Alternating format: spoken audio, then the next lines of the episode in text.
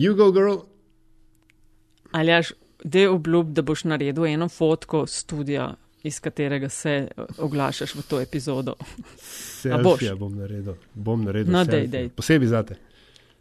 Posebej za vse, ki, ki bodo poslušali to epizodo.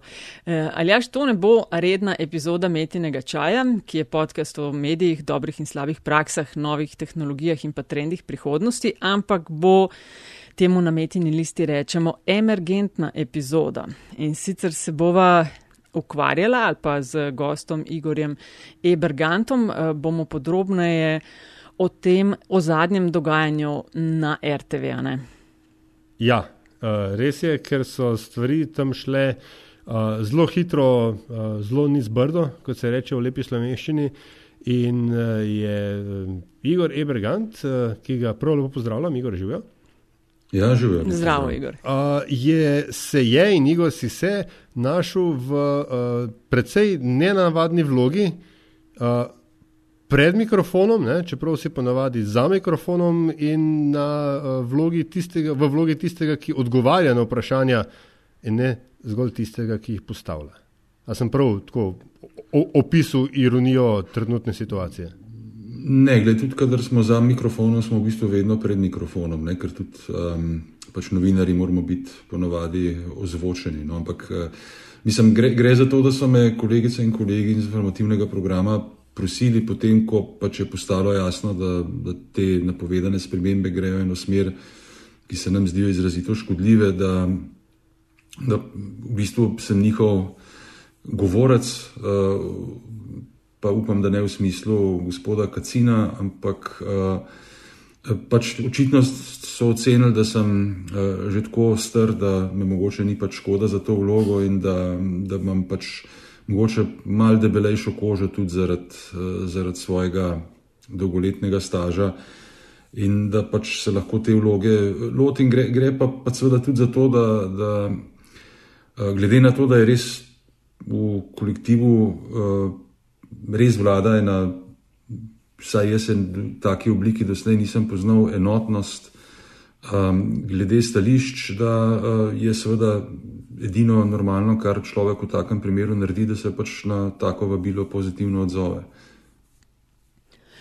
Igor, imeli ste to, snemamo 30. novembra, se pravi v torek zjutraj, uh, pred nekaj urami, v ponedeljek, je programski svet RTV sprejel programsko-produkcijski načrt za leto 2022 na eh, tiskovni konferenci oziroma eh, protestni izjavi ali kakorkoli bi temu rekli, ste rekli, da predlog, ki je zdaj dobil pač zeleno luč, posega v ključne odaje, da nekatere ukinja ali se selijo na druge programe. Zdaj berem vašo izjavo. Načrt je mm. nedorečen, predvsem pa je nejasno, kdo bi ga lahko ob najboljši volji sploh realno izvajal oziroma kako bi ga lahko izvajali, kar še posebej velja za obsežne programske sklope na drugem programu RTV Slovenija, kjer do zdaj nismo predvajali premjernih informativnih oddaj. Zdaj, za tiste, ki, in to je verjetno večina, ki programsko-produkcijskega načrta ni uh, brala, lahko razložiš, vemo, da je zdaj potrjen, kaj so tiste ključne, eh, kaj je tisto, kar vas najbolj moti. In če se ne motim, ste od skupno, pa me kar poprav, če se motim, 134 od 143 sodelavcev in zaposlenih v informativnem programu se podpisali pod to.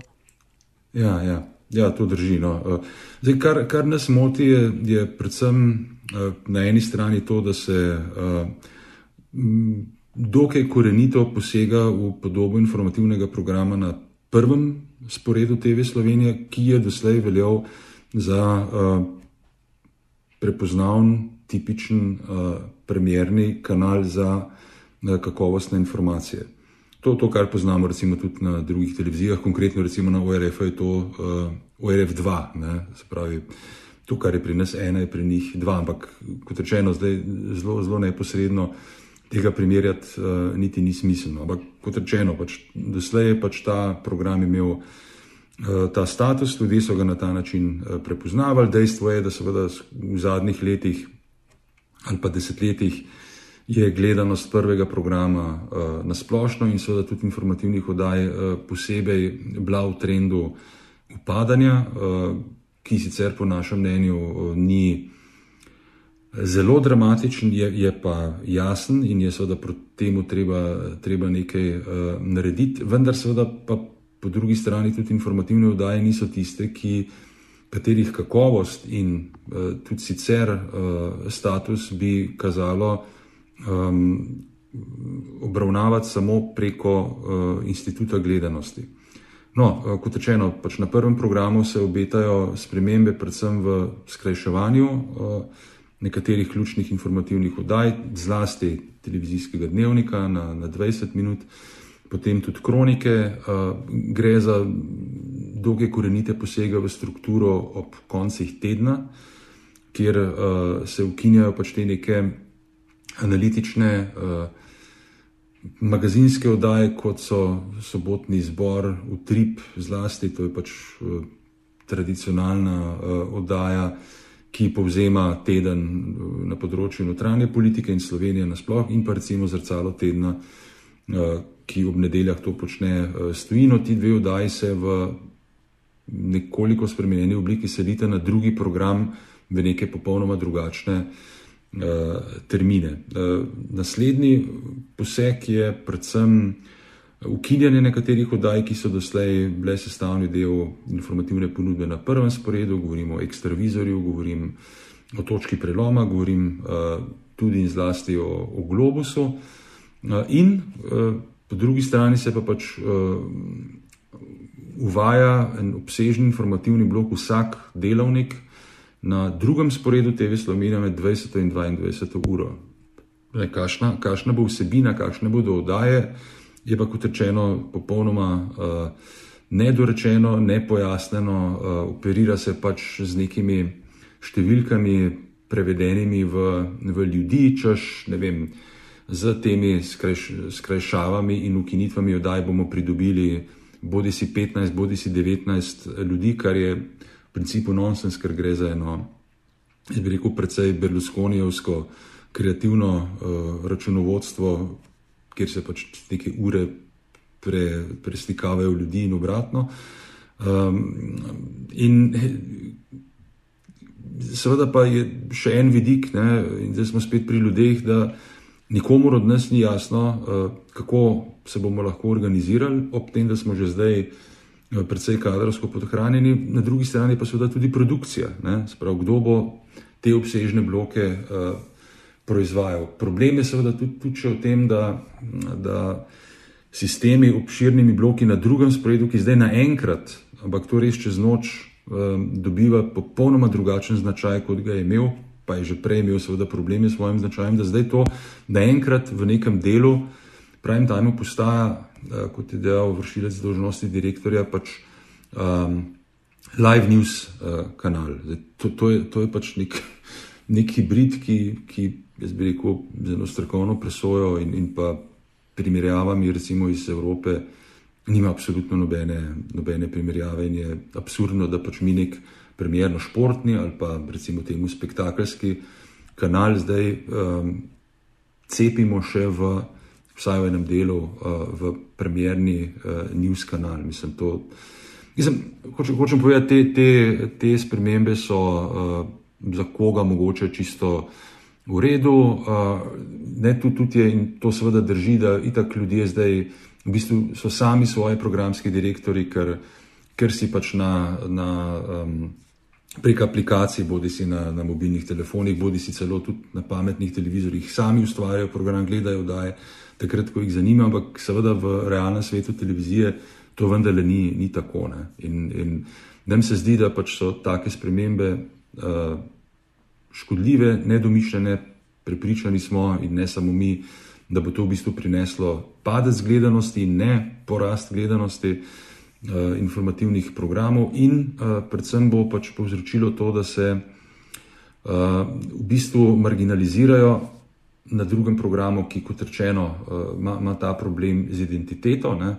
In recimo, kar je tudi še nenavadno, je, da se pač v bistvu vsi predvolilni programi na koncu so pač popravili samo to, da se v srednji volilni večer ki se bo še vedno predvajal na prvem programu, da se predvajajo na drugem programu. Mislim, to, to se nam zdi v bistvu uh, nespremljivo, ker vendarle volitve imamo pač super volilno leto 2022, so vendarle zelo pomemben uh, družbeni dogodek in mislim, da kot tak že čisto simbolno in statusno mora biti na še vedno premjernem informativnem programu. Zdaj, tukaj je še ogromno nekih, nekih detaljev, ampak v principu, v principu gre za to.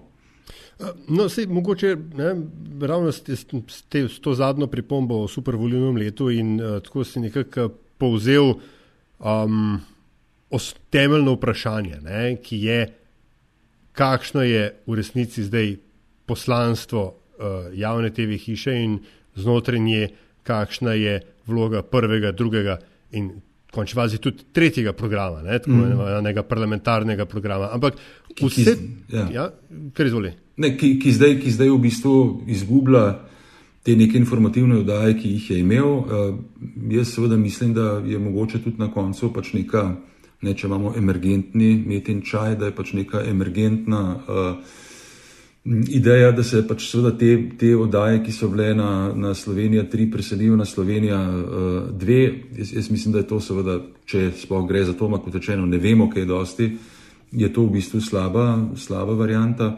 Uh, ja, ne, mislim, sej, jaz bi rekel, problemi so stari in problemi, problemi niso niti toliko povezani uh, zgodovinsko s aktualnim vodstvom. Ne. Probleme imamo seveda tudi mi v informativnem programu sami. In, in, Mislim, to sporočilo, da ja, gre za v bistvu neke privilegirance, ki ne želijo sprememb. To je popolnoma napačno. Mislim, kdo, kdo, kdo trdi nekaj takega in glede na to, da pa pač so izvajalci sprememb oziroma predlagati sprememb, v bistvu naši kolegi, ne, s katerimi sem jaz konkretno dolga leta sedel v isti pisarni in, in so ustvarjal pač to oddajo, ki naj bi bila tudi med drugim problem in v klepaju, seveda je problem, govorimo o odmevih. Ne, uh, Mislim, jaz v tem niti ne vidim toliko pač nekega neposrednega posega politike, kot vidim v bistvu nek, jaz bi rekel, nenavaden uh, odziv na prostor in čas, v katerem živimo, ki je seveda neskončno spolitiziran, to je res, ampak v bistvu, v bistvu gre, za, gre za nek odraz nekih, jaz bi rekel, kar problematičnih uh, notranjih razmer, ki žal. Uh, kaže tudi eno precejšno mero diletantizma, tudi ko gre za upravljanje našega dela. No. No, se, to to, to zavodo pa eh, nadaljevati ne, z vprašanjem. Ta PPN 22, ne, poslovno programski načrt, se ne dogaja v vakumu. Um, atmosfera v in predvsem tudi okoli nacionalke je, je uh, zadnje leto zelo naelektrena. Uh, odnos oblasti do medijev je um, popadljiv, napadalen. Um, A se ti zdi? Eh, ne, ne vem, odkje bi lahko to idejo. In, in, in predvsem tudi odnos javnosti do medijev je um, že kar kritizerski. Veš, da, da, in, to, se, veš, se mi zdi, to, ta incident z upadom anticepilcev v, v studiu odmeval, se mi zdi zgolj pač kulminacija uh, ne, neke, neke atmosfere, ki, uh, v kateri je že samo po sebi zelo težko delati. A je možno, da je nekdo enostavno, da rečem, zelo poloblansko izkoristil gužvo s tem načrtom? Uh, ja, gledaj, sigurno, ne, pri čemer jaz, jaz res ne verjamem v neke teorije zarot v tem smislu, da pač uh, sedijo nekje neki močni centri in uh, briljantni mastermindi, ki, ki z neverjetno mero uh, predvidevanja usmerjajo vse skupaj. Ne? Jaz mislim, da je to bolj, bolj neka uh, stihija, ker roko na srce. Kakšnih posebnih mastermindov, niti v Sloveniji, niti, niti na RTV-ju nimamo. Uh, jaz, jaz mislim, da je to bolj pač v bistvu nek mogoče celo uh, zelo človeški refleks na nekaj, kar se dogaja. Uh, zdaj, to, to, kar si pač rekel, uh, ja, zanesljivo je pač ozračje histerično. Verjetno rešeno nikoli ni bilo, ni bilo takšno, kar je pa delno pač zaradi epidemije in vsega tega, kar je okrog, uh, treba tudi razumeti. Uh, Jaz, jaz tudi mislim, da uh, so seveda uh, kritike na račun medijev um, upravičene, uh, ne vsaka in seveda absolutno ne uh, vsi izrazi uh, takšnega kritiziranja. Jaz mislim, da obstaja zelo veliko temeljenih kritik na račun, konc koncev, tudi RTV Slovenije, informativnega programa, ki so zelo dobro utemeljene in, in stojijo.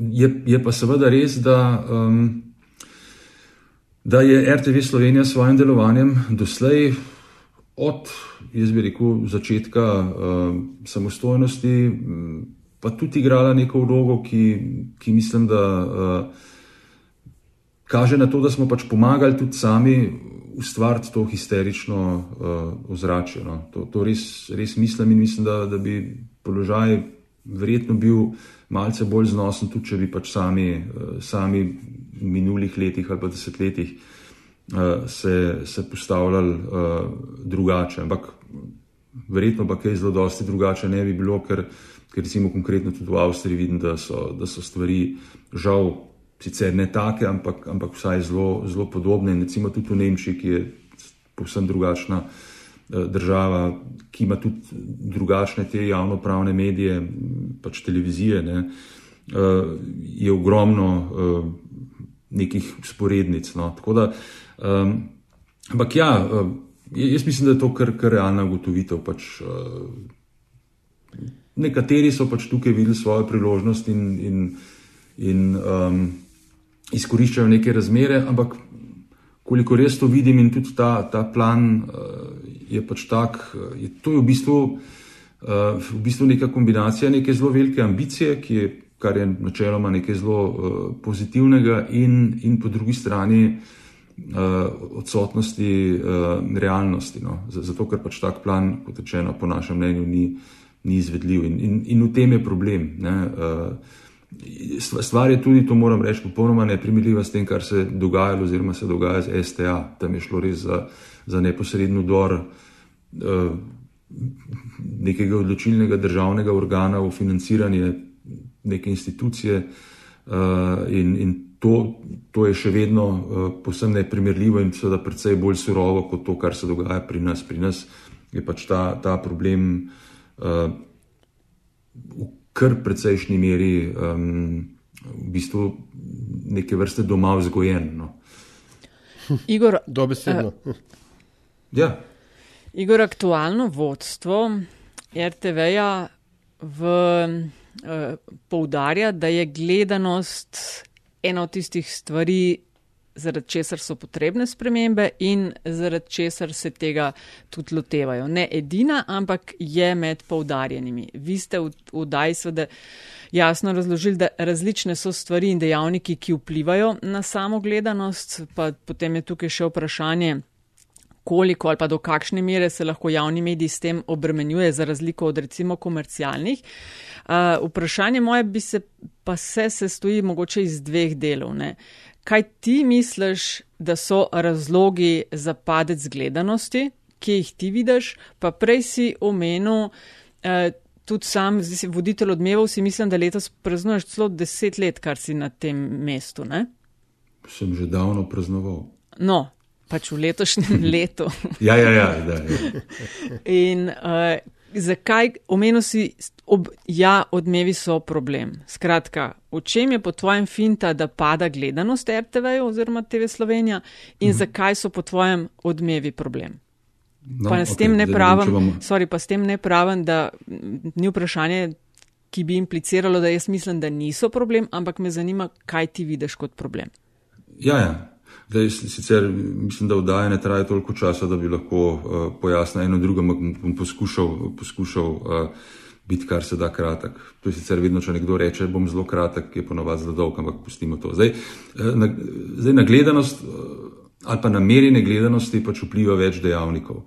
Ne, uh, zdaj, dejstvo je, in to je značilno za vse javne televizije, da pač gledanost načeloma upada, če se pač meri ta neposredna gledanost. Um, spremljanja televizije prek recimo teh, um, to pač kar ima AGB oziroma AGB Nielsen oziroma Nielsen pač, ne, gre za to merjenje, merjenje gledanosti, ko pač imajo posamezniki, pač neka skupina ljudi, pač aparature, ki z dovoljenjem te agencije pač merijo to, kar oni gledajo. In, in to naj bi pač odražalo, ne, odražalo neko strukturo prebivalstva. Dejstvo je, da recimo naši televiziji in tudi informativnim oddajam z tega vidika gledanost pada. To, to je dejstvo. To tudi ni presenetljivo, glede na to, da se širi obseg prebivalstva, ki televizije ne spremlja več prek televizije, uh -huh. prek uh, mobilnih telefonov, uh, uh, tabličnih računalnikov, računalnikov in ne, tudi aplikacij na pametnih televizorjih. Spravi, uh, tukaj so se pač ta, ta razmerja seveda nekoliko podrla. Zdaj, če nekdo z zamikom gleda neko oddajo, ga seveda ta aparatura več ne zazna. Ne? In jaz recimo vem konkretno za odmeve, da so razmerno veliko ljudi, ki jih jaz poznam, s katerimi komuniciram, pač oddajo pogledajo za mikom. In to seveda z vidika merjenja gledanosti je izgubljen gledalec, z vidika ogleda oddaje pa seveda ne. Uh, ampak to seveda zdaleč ni, ni edini, edini problem. Dejstvo pa je, da so se tukaj razmerja seveda porušila, problem pa je, da seveda oglaševalci ne, uh, pa še vedno kot neko temeljno informacijo jemljajo pač to gledanost televizije kot, kot take, se pravi to, kar se pač uh, meri. Jaz, jaz mislim, da je pač problem RTV Slovenija tudi v tem, da skozi leta in na to nekateri opozarjamo že precej več kot desetletje, da bi seveda zaradi svoje narave uh, morala opozarjati, da seveda ne, za javno televizijo obstaja nek, um, kako bi človek rekel, en popolnoma nov, oziroma bi moral obstajati nek popolnoma nov indeks, če hočeš, uh, dosega. Ne? Ta pa je seveda klasično merjenje, uh, ponovni ogledi prek aplikacij, uh, potem seveda tudi, uh, tukaj je pač neka naša dolgoročna napaka, mi smo edini medij v državi, ki ima radio, televizijo in splet. Ne? kot rečeno, nekateri pač gledajo naše oddaje tudi tako, da pač preberejo nek povzetek v, na, na spletni strani in si to potem pač še, recimo, vsaj v delu pogledajo prek, prek naše spletne strani. Mislim, mi pred, imamo precej večji doseg, kot imamo gledanost. Ne? In se mi zdi problematično, da tega ne znamo v javnosti in konec konca tudi pri oglaševalcih uh, ustrezno uh, nasloviti. Je pa zagotovo problem. Uh, tudi kakovosti. Uh, naše, naše oddaje, vsaj v nekem delu, govorim recimo zdaj konkretno za odmeve, zagotovo niso narejene tako gledljivo kot recimo neke, neke primerljive oddaje, tudi doma na komercialnih kanalih ali pa, ali pa v tujini, imamo premalo infografike, pre, premalo nekega novodobnega pristopa k obravnavi tem, ki bi ga lahko s pridom uporabili tudi na, na socialnih uh, omrežjih prek katerih pač mnogi, mnogi dostopajo tudi do televizijskih vsebin. Skratka, mi smo tukaj žal še kar precej v kameni dobi. So bili pač poskusi tudi um, individualni in tako naprej, ampak to ni dovolj, ker to pač mora biti nek sistemski pristop. Ne?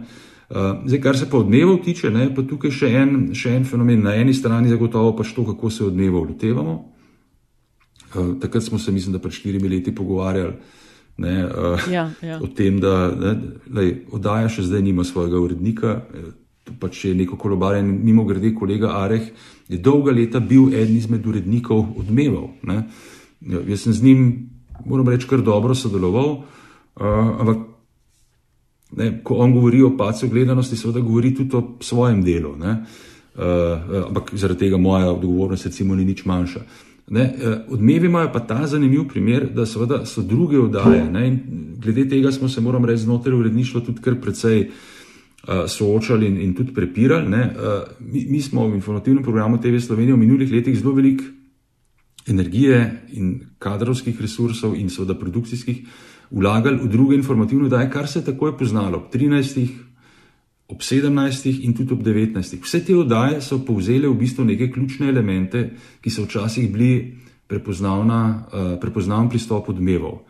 Se pravi, javljanja od zunaj in predvsem pač neke pogovore, ki, ki so že pač bili analitični. Mi smo imeli recimo primere, da smo ob 13. uri imeli en silno zanimiv pogovor, ne vem, s profesorjem Mrakom se je enkrat zgodilo, kar je recimo po moje tipičen gost in tipična tipična vsebina, ki je namenjena ne gledalstvu ob 13. uri, ampak ob 22. uri. Pravi nekomu, ki želi malo več. In, in tudi, tudi ti elementi so se začeli pojavljati ob 17. uri in tudi ob 19. uri. Naenkrat so v bistvu vse naše informativne vdaje postale neki, recimo, temu mini odmevi. In potem, ko prideš ti do originalnih odmevov, ki naj bi pa s tem v bistvu prepričali eh, gledalce, smo mi bili v položaju, da v bistvu ne, smo lahko proizvajali samo bolj ali manj iste zadeve kot, kot kolegi od 13. ure naprej. Ne, in to, to je, in zdaj, mi, mi seveda nismo znali na to tudi pravilno um, odgovoriti, in to seveda, to seveda je, je problem. Ob tem, da to tudi ni nezanemarljivo, da ravno zaradi te večje fleksibilnosti uh, časa in bivanja, ne, zelo veliko ljudi ob 22. v bistvu niti noče več gledati televizije. Uh, in, in recimo posežejo po nekih bolj lahkotnih vsebinah na komercialnih kanalih. Uh, moram reči, tudi pri bioritmu dela se je to pokazalo, če dalje manj kolegic in kolegov je bilo pripravljeni, pripravljenih delati za odmeve ali pa se zelo, zelo potruditi, enostavno zato, ker so pa že prej bili kar precej uh, izgoreli in trujeni, zmanjkali idej do, do, do večernega dela. In na vse zadnje tudi za novinarje velja, da so zvečer raje doma ali pa kje, kje, kje druge kot v službi. No. In, in tudi, tudi recimo z gosti imamo če dalje večje probleme, da si želijo, da bi jih snemali prej, ker pač želijo imeti recimo v poznih večernih urah. Mislim, tako da zgodil se je marsikaj. Ampak, seveda, osnovna odgovornost je pa, da ne bo nesporazuma naša. Če bi bili odmevi bolj, bolj um, kakovostni, če bi znali pač bolj pristopati k nekim temam, če bi znali pač. Uh, Če bi znali uh, to tudi bolj, bolj televizično narediti, bi, bi verjetno rezultati bili boljši, ne pa tako zelo boljši, da bi zdaj s tem absolutno rešili problem. Uh, Igor, v resnici je tako zelo površno in rokohitrsko, ampak to, kar si zdaj le opisal o, o mini odmevih in razpršenju um, resursov po, po časovnici, gor proti, proti povdnevu. Uh, mogoče, popravim, če se motim, ampak se mi zdi, da je PPN 22 v resnici ta isti pristop prenesel iz ravni enega programa na raven vseh treh programov. In sklep, mogoče je napačen, je, da bojo rezultati lahko, lahko zgolj podobni, ne? ker če uporabljamo isti pristop uh, uh, razbijanja in, in, in sejanja vsebin uh, sem in tam, levo in desno, gor in dol, potem verjetno ne more biti rezultati, ki so zelo drugačni od teh, kot si jih ravno kar opisal za odmeve. Ne, se, se, v, tem je, v tem je tudi eden izmed ključnih problemov. Uh, zdaj, pač zelo, zelo tipično je, da, da se pač na prvem programu ne, informativne oddaje krajšajo, Ne, uh, nihče se pa ne vpraša, zdaj pač, kako, kakšna bo njihova vsebina, samo zaradi krajšanja oddaje, te sigurno ne bodo bolj gledane. Celo imamo pač zdaj ta, ta paradoks, da se dnevno poročanje o kulturi seli v informativni blok med 19 in 20 uro, kar je za kulturo sicer v redu. Vem, da kolegice in kolegi, ki pripravljajo te dnevne oddaje in pripravljali bodo zdaj sedemkrat uh, uh, tedensko, ne, Seveda se tudi sprašujejo, kako bodo to delali, ker je zelo veliko kulturnih dogodkov pač zvečer, je, se pravi po 19. uri in bodo zdaj v bistvu objavljeni z, eno, z enodnevnim uh, zamikom, tudi, tudi kadrovsko so sorazmerno uh, šipki in zdaj zaradi pri, primika kulture v ta, ta del, bodimo si na jasnem, ne, gledanost tega informativnega bloka med, med 19 in 20 zagotovo ne bo višja, kvečemu nižja bo. Ne. Uh, Ker zdaj, razen če bi šli v neko hudo popularno kulturo, kjer pa za domačo kulturo pa ne bo več toliko, toliko prostora. Um, in seveda ta, ta selitev na, na drugi program ne, bo, bo za sabo potegnila to, da pač verjetno, ne, če pač ne bi predvajali ničesar na drugem programu, bo gledanost pač nekih informativnih oddaj seveda nekoliko večja. Ampak se imamo izkušnje tudi iz tega programa, ki je celo bil, kar se tega tiče, bolj profiliran, ne, da je ta gledanost sorazmerno nizka. Jaz, jaz se bojim, in ne samo jaz, pač kolegice in kolegi se bojimo, da, da bo to prineslo ravno to, pač neko, neko veliko razvodenitev. vseh vsebin, ki bodo zelo težko koga, koga prepričale. Lažje bi bilo to sprejeti, če bi imeli tudi en zelo jasno uh, izpostavljen načrt, kako bomo mi zdaj te vsebine, pa seveda toliko bolj promovirali v javnosti, tudi prek nekega sistematičnega uh, pojavljanja na socialnih omrežjih, zlasti Instagramu, TikToku, se pravi teh, teh uh, omrežjih, ki so, ki so namenjena mladim, kako bomo, vem, še bolj pač te neke znanstvene vsebine, ki so doslej definitivno manjkale pri nas. Uh, predvsem na prvem programu, eh, v informativnem delu, ne, kako bomo zdaj v bistvu z nekim velikim prebojem uh, poskušali uh, profilirati to. Ampak iza tega, seveda, tega sploh ni, ker o tem nihče, ampak res nihče ne razmišlja. In zdaj bom nekaj zelo bogokletnega rekel, uh, uh, se tega niti ne zaveda. No, tako da, tako da uh, mislim, to, to, je, to je ta problem. In ja, žal, in, in predvsem mi nismo niti edini, ki ki trdimo, da, da bo to seveda prineslo ravno to, da bo, da bo uh, gledanost še manjša, oziroma da bo naš doseg uh, še manjši, ob seveda tem, da uh, ne glede na uh, nebriljantno gledanost oddaje Globus, ne, zdaj mi ukinjamo, recimo, in to je zelo tipično, edino tedensko poglobljeno oddajo o zunanji evropski in mednarodni politiki na prvem sporedu. In to selimo v neko, eh, v ne, v neko nejasno strukturo, novičarsko na drugem programu. Lej, to samo priča o tem, kaj se nam dogaja, namreč da eh, v Sloveniji začenja prevladovati, ampak to je proces, to, to ni vprašanje samo zadnjega leta in globok provincializem, kjer uh, nas najtemej sveta razen mogoče migrantov ali pa virusa, uh, naj sploh ne bi zanimale. In, in tukaj, jaz rekel, je pa tudi ta evropski, um, evropska razsežnost tega problema, ker je to seveda tudi, uh, tako jaz razumem, zavestno ali nezavedno, v bistvu tudi, tudi um, velik problem pač nekega uh, razeuropeiziranja uh, slovenske družbe, ne? kot da je pač zdaj vse to, kar se dogaja zunaj, za nas uh, nepomembno. Nasprotno, pač med epidemijo se je pač pokazalo, kako pomembno je to. In tukaj smo, recimo, tudi v informativnem programu z nekaj zelo dobrimi prispevki to tudi zelo dobro znali prikazati. Mogoče pa ravno to cilj. Igor, doseči manjšo, manjšo gledanost tega, kar v informativnem programu uh, delate. Preoblečeno sicer v delamo spremembe, ker želimo doseči med drugim tudi uh, višjo gledanost. Vprašanje, ki je bilo vede direktorja informativnega programa postavljeno, ali res ukinjate globus, odgovor je nekako v kontekstu. To ne drži, res je, da oddaje globus ne bo več, a to še ne pomeni, da jo ukinjamo. 94 odstotkov zaposlenih v informativnem programu se je podpisalo pod poziv vodstvu naj razmislijo o uh, uvedbah oziroma o prenovi in teh predlogih. So razmislili in uh, vseeno potrdili, kljub silnemu nasprotovanju.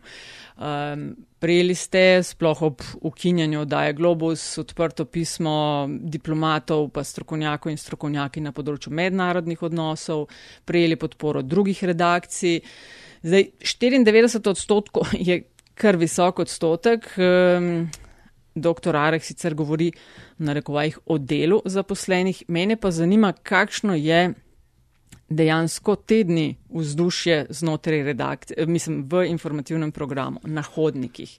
A se, mislim, a je ta kohezija, kot bi se jo dalo razbrati iz teh 94 odstotkih, ali se so razpoke, se grdo gledate, kako je? Ne, ne, ne, Glej, mislim, da je delč tega, da bi se grdo gledali. No. Jaz, jaz, mislim, da, jaz bi rekel, da jaz, jaz to kokazijo razumem še kot precej bolj intenzivno, ker mi grede smo bili pač v stiku, seveda tudi z nekaterimi kolegicami in kolegi, ki tega iz razno raznih razlogov, pa jih je seveda absolutno uh, ne želim, ne želim ničesar obtoževati, niso podpisali, absolutno njihova pravica, ne, ampak jaz se rekel tudi, tudi, uh, tudi z njimi uh, smo v bistvu ugotovili, da se v marsičem uh, strinjamo, ne? ker pač v bistvu gre za nek problem, ki je, ki je precej širši kot problem, problem globusa, pa imamo morda.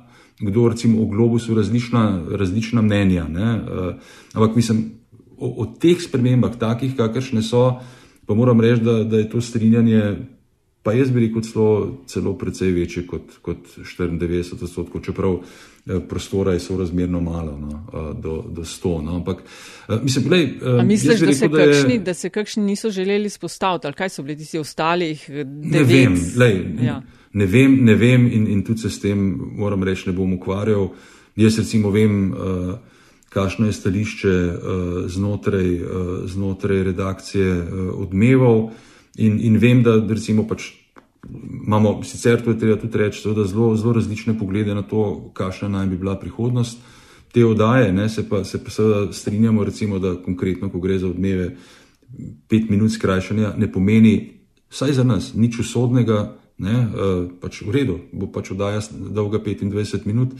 Uh, problem je seveda, če bi nam za to vzeli še enega izmed redkih sodelavk ali sodelavcev, ki jih vsak dan uh, Eh, imamo na voljo, da pač skupaj delamo to oddajo, ki je res v bistvu neke vrste tudi kadrovsko precej uh, izsušena. To, to delamo v bistvu konkretno potem, če izuzamem prispevke, trije ljudje, uh, seveda pač ob, ob podpori, uh, podpori pač drugih služb televizije, ne, ampak uh, tako realno pa pač oddajo v bistvu ustvarjajo trije ljudje, dnevni urednik, turnusni urednik ali urednica in, in pa voditelj. Uh, kar, kar vendarle je, jaz bi rekel, predvsej pod nekimi standardi, ki, ki so nujni. Uh, ampak jaz mislim, da pač znotraj tega seveda ugotavljamo, da konkretno recimo za odmeve teh pet minut ne pomeni nič, to je v principu nikakršna sprememba, če s to pač ni povezano pač neko, neko dodatno kadrovsko uh, osiromašanje. Tako da uh, Uh, mislim, ozračje, kar se tega tiče, je zelo dobro, ker mislim, da, da če nič drugega, je prvič doslej v bistvu bolj ali manj vsem kolegom postalo jasno, da, da, gre, za, da gre za zelo resne, za resne stvari. Jaz mislim, da se tudi zelo podcenjuje informativni program v smislu tega, uh, pač kako deluje. Mi, mi zelo veliko razpravljamo o naših, uh, o naših lastnih. Eh, programih se zelo velikokrat tudi, tudi spremo, uh, ampak na koncu dneva vendarle pač delujemo kot neka, kot neka ekipa. Seveda obstaja uh, občasno nezadovoljstvo, pa konkretno neko dnevno nezadovoljstvo, če pač neka vdaja ni taka, kot bi si želel, če pač tudi sam nisi zadovoljen s tem, kar si pač, kar si pač prikazal in, in prispeval. Uh, kar mogoče manjka, je res ta, kar se po, po slovensko reče, quality control. Eh, o tem se post festom zagotovo premalo pogovarjamo, pač tega, tega žal nimamo tako, uh, tako razvidega, ampak smo, smo nekaj ekip, ampak tokrat prvič vidim, da, da res obstaja neko, neko zelo splošno prepričanje, da pač tako kot je, ne more iti več naprej. In pač, ko, ko smo pač bili soočeni s temi spremembami, ki so in ne pozabiti, tudi prvič se je zgodilo, da, da so pač zaradi uh, zarad, uh, predloga tega programsko-produkcijskega načrta odstopili vsi uredniki za, za odgovorno urednico vred. Ja, mislim, to se še ni zgodilo. Mislim, je, je to, to seveda, pa mislim, da tudi še zadnje dvomljivce pri nas pač uh, predramilo, da, da, so stvari, da so stvari resne. Kot rečeno, ne gre, ne, gre za, ne gre za problem, kot ga ima ali je imel. STA gre v bistvu bolj za, za res za nek notranji problem. In kar si prej rekla, ja, kdo zdaj to želi Glej, jaz bom zdaj si odel plašč uh, popolne naivnosti. Ja, jaz, mislim, jaz mislim, da nekim snovalcem tega niti tako daleč ne seže. Ne? Uh, jaz, jaz bi bolj rekel, da to je pač nek, nek uh, refleks in, in mogoče, mogoče pač iz tega je neka zelo iskrena želja, da bi pač naredili nekaj drugega, ampak to pač ni to pač ni to, to, to ni. To, to ni uh, mislim, ko se pač sklicujejo razno razni na ozore, ne vem, BBC, ORF, CDF, to, to, to s, temi, s temi televizijami nima absolutno nobene zveze. Zdaj, ja, če bomo mi 20 minut dolgo oddajo ob uh, pol osmih, kot jo ima CDF, ob sedmih, ne, in zdaj reči, zdaj smo pa CDF, mislim. Glej, to, to, to je vendarle podsedujoče do, do tistih, ki, ki to vsaj malo spremljajo in pač ki poskušajo, koliko toliko strokovno se tega, se tega lotiti. Ampak to, to, je, to je odraz v bistvu nek, ne, neke sodobne Slovenije, kjer pač imamo tudi na najodgovornejših položajih ljudi, ki, ki preprosto tam ne bi smeli biti. No. Si, ne, to je s tem BBC-jem in to.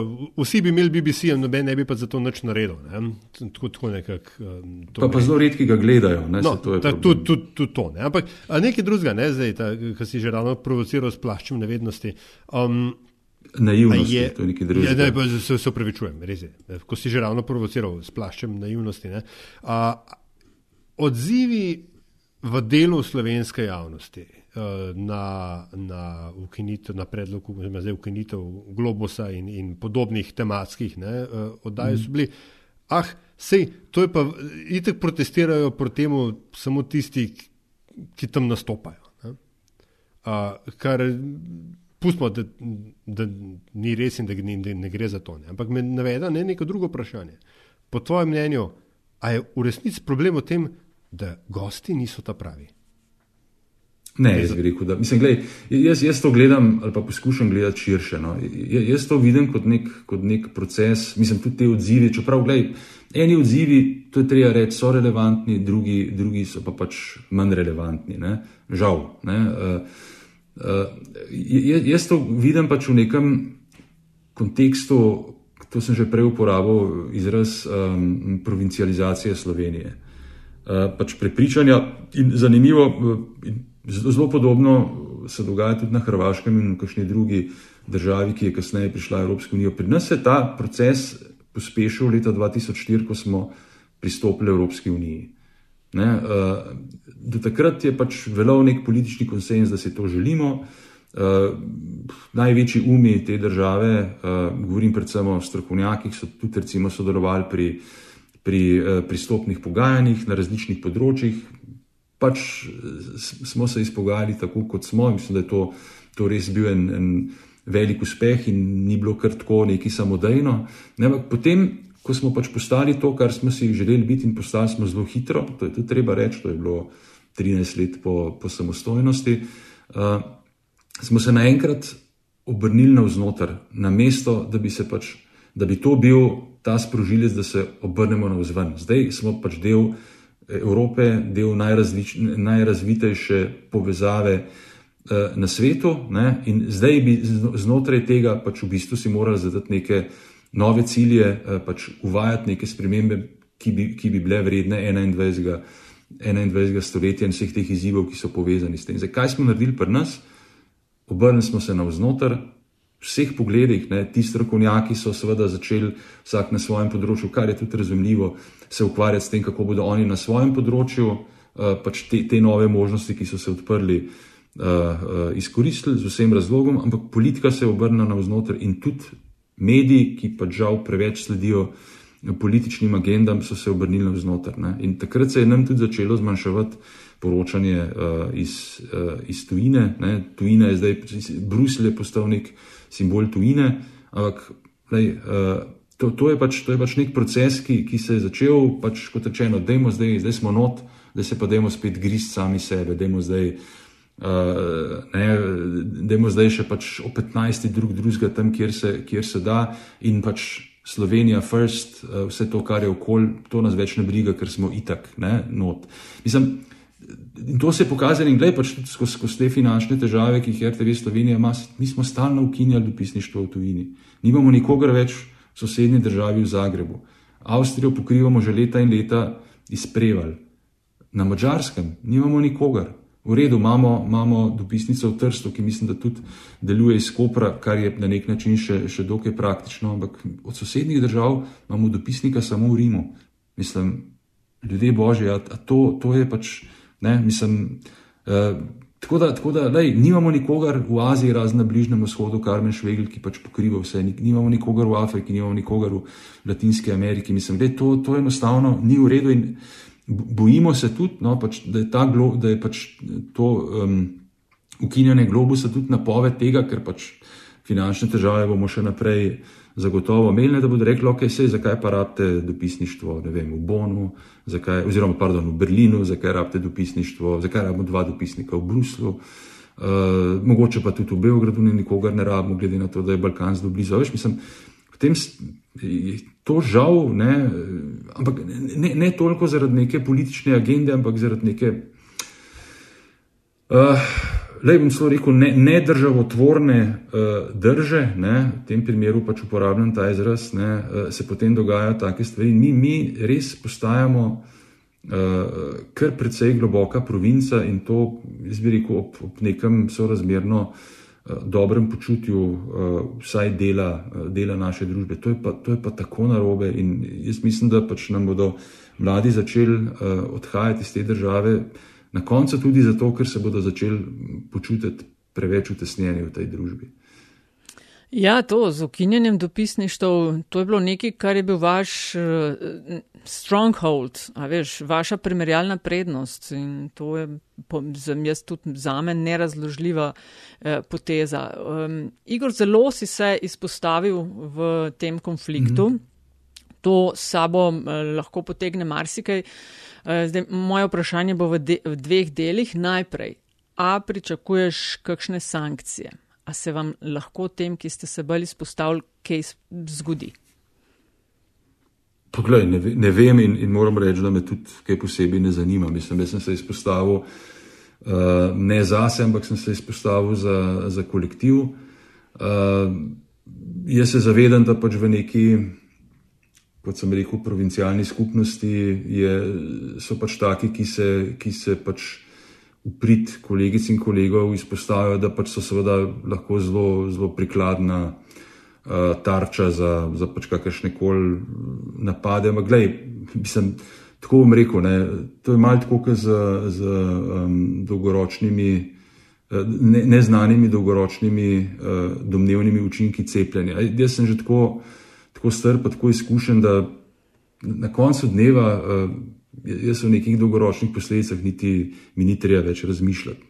Vse, vse, kar se mi dogaja, precej uh, kratkoročno. Tako da, gledaj, bi me seveda neprijetno presenetilo, ker pač to, to kar počnem, počnem pač uh, iskreno in, in ne samo v svojem imenu.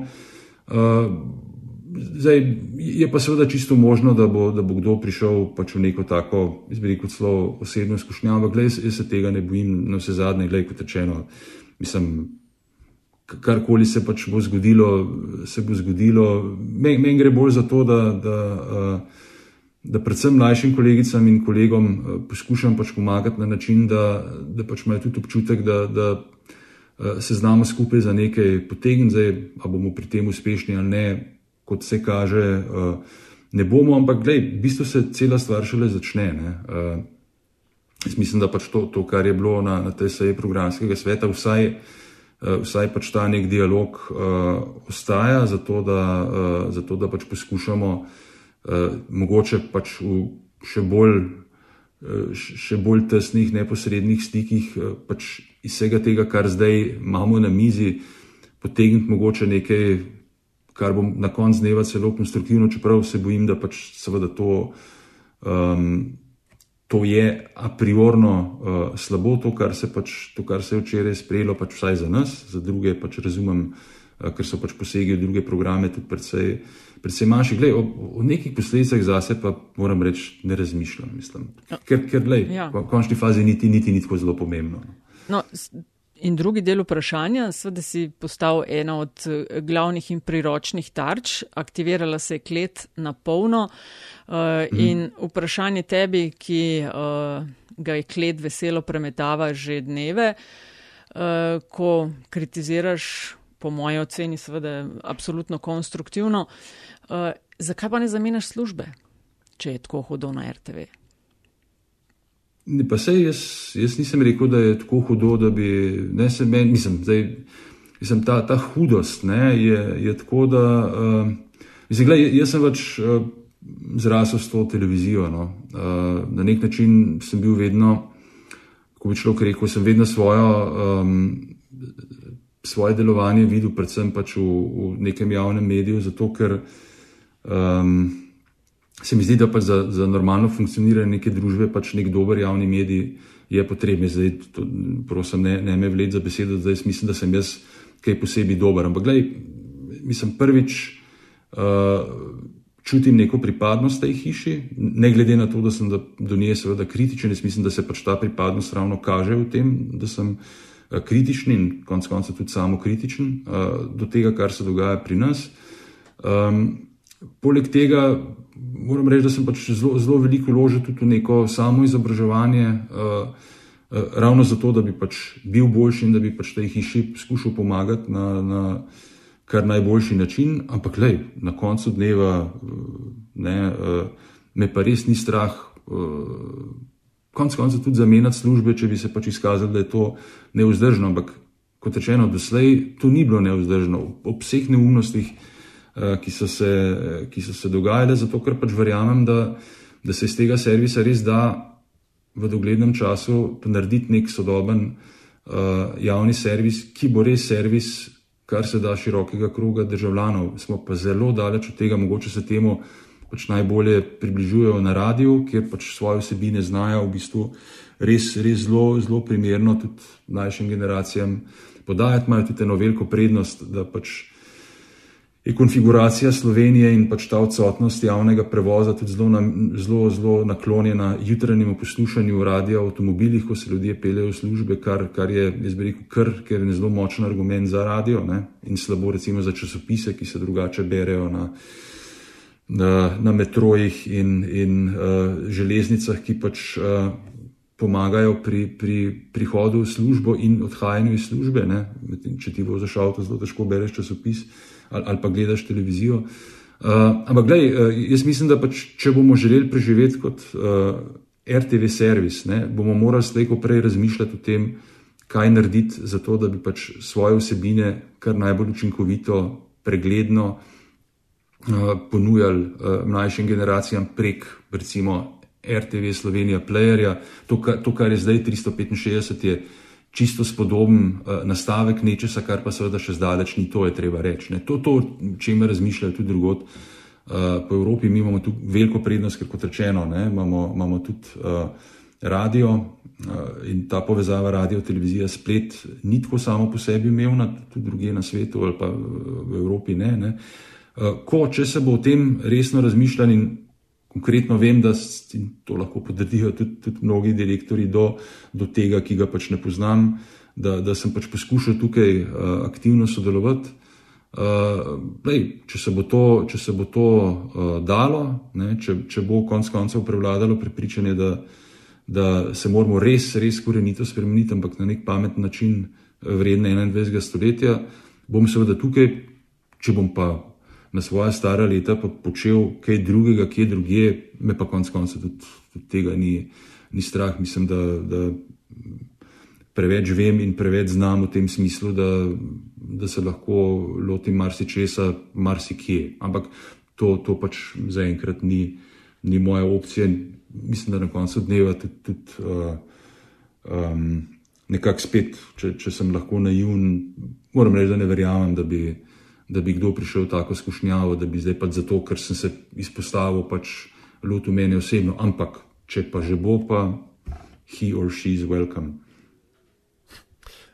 Kot je rekel Billy Ocean, ne? when the going gets tough, the tough get going. Recimo, no.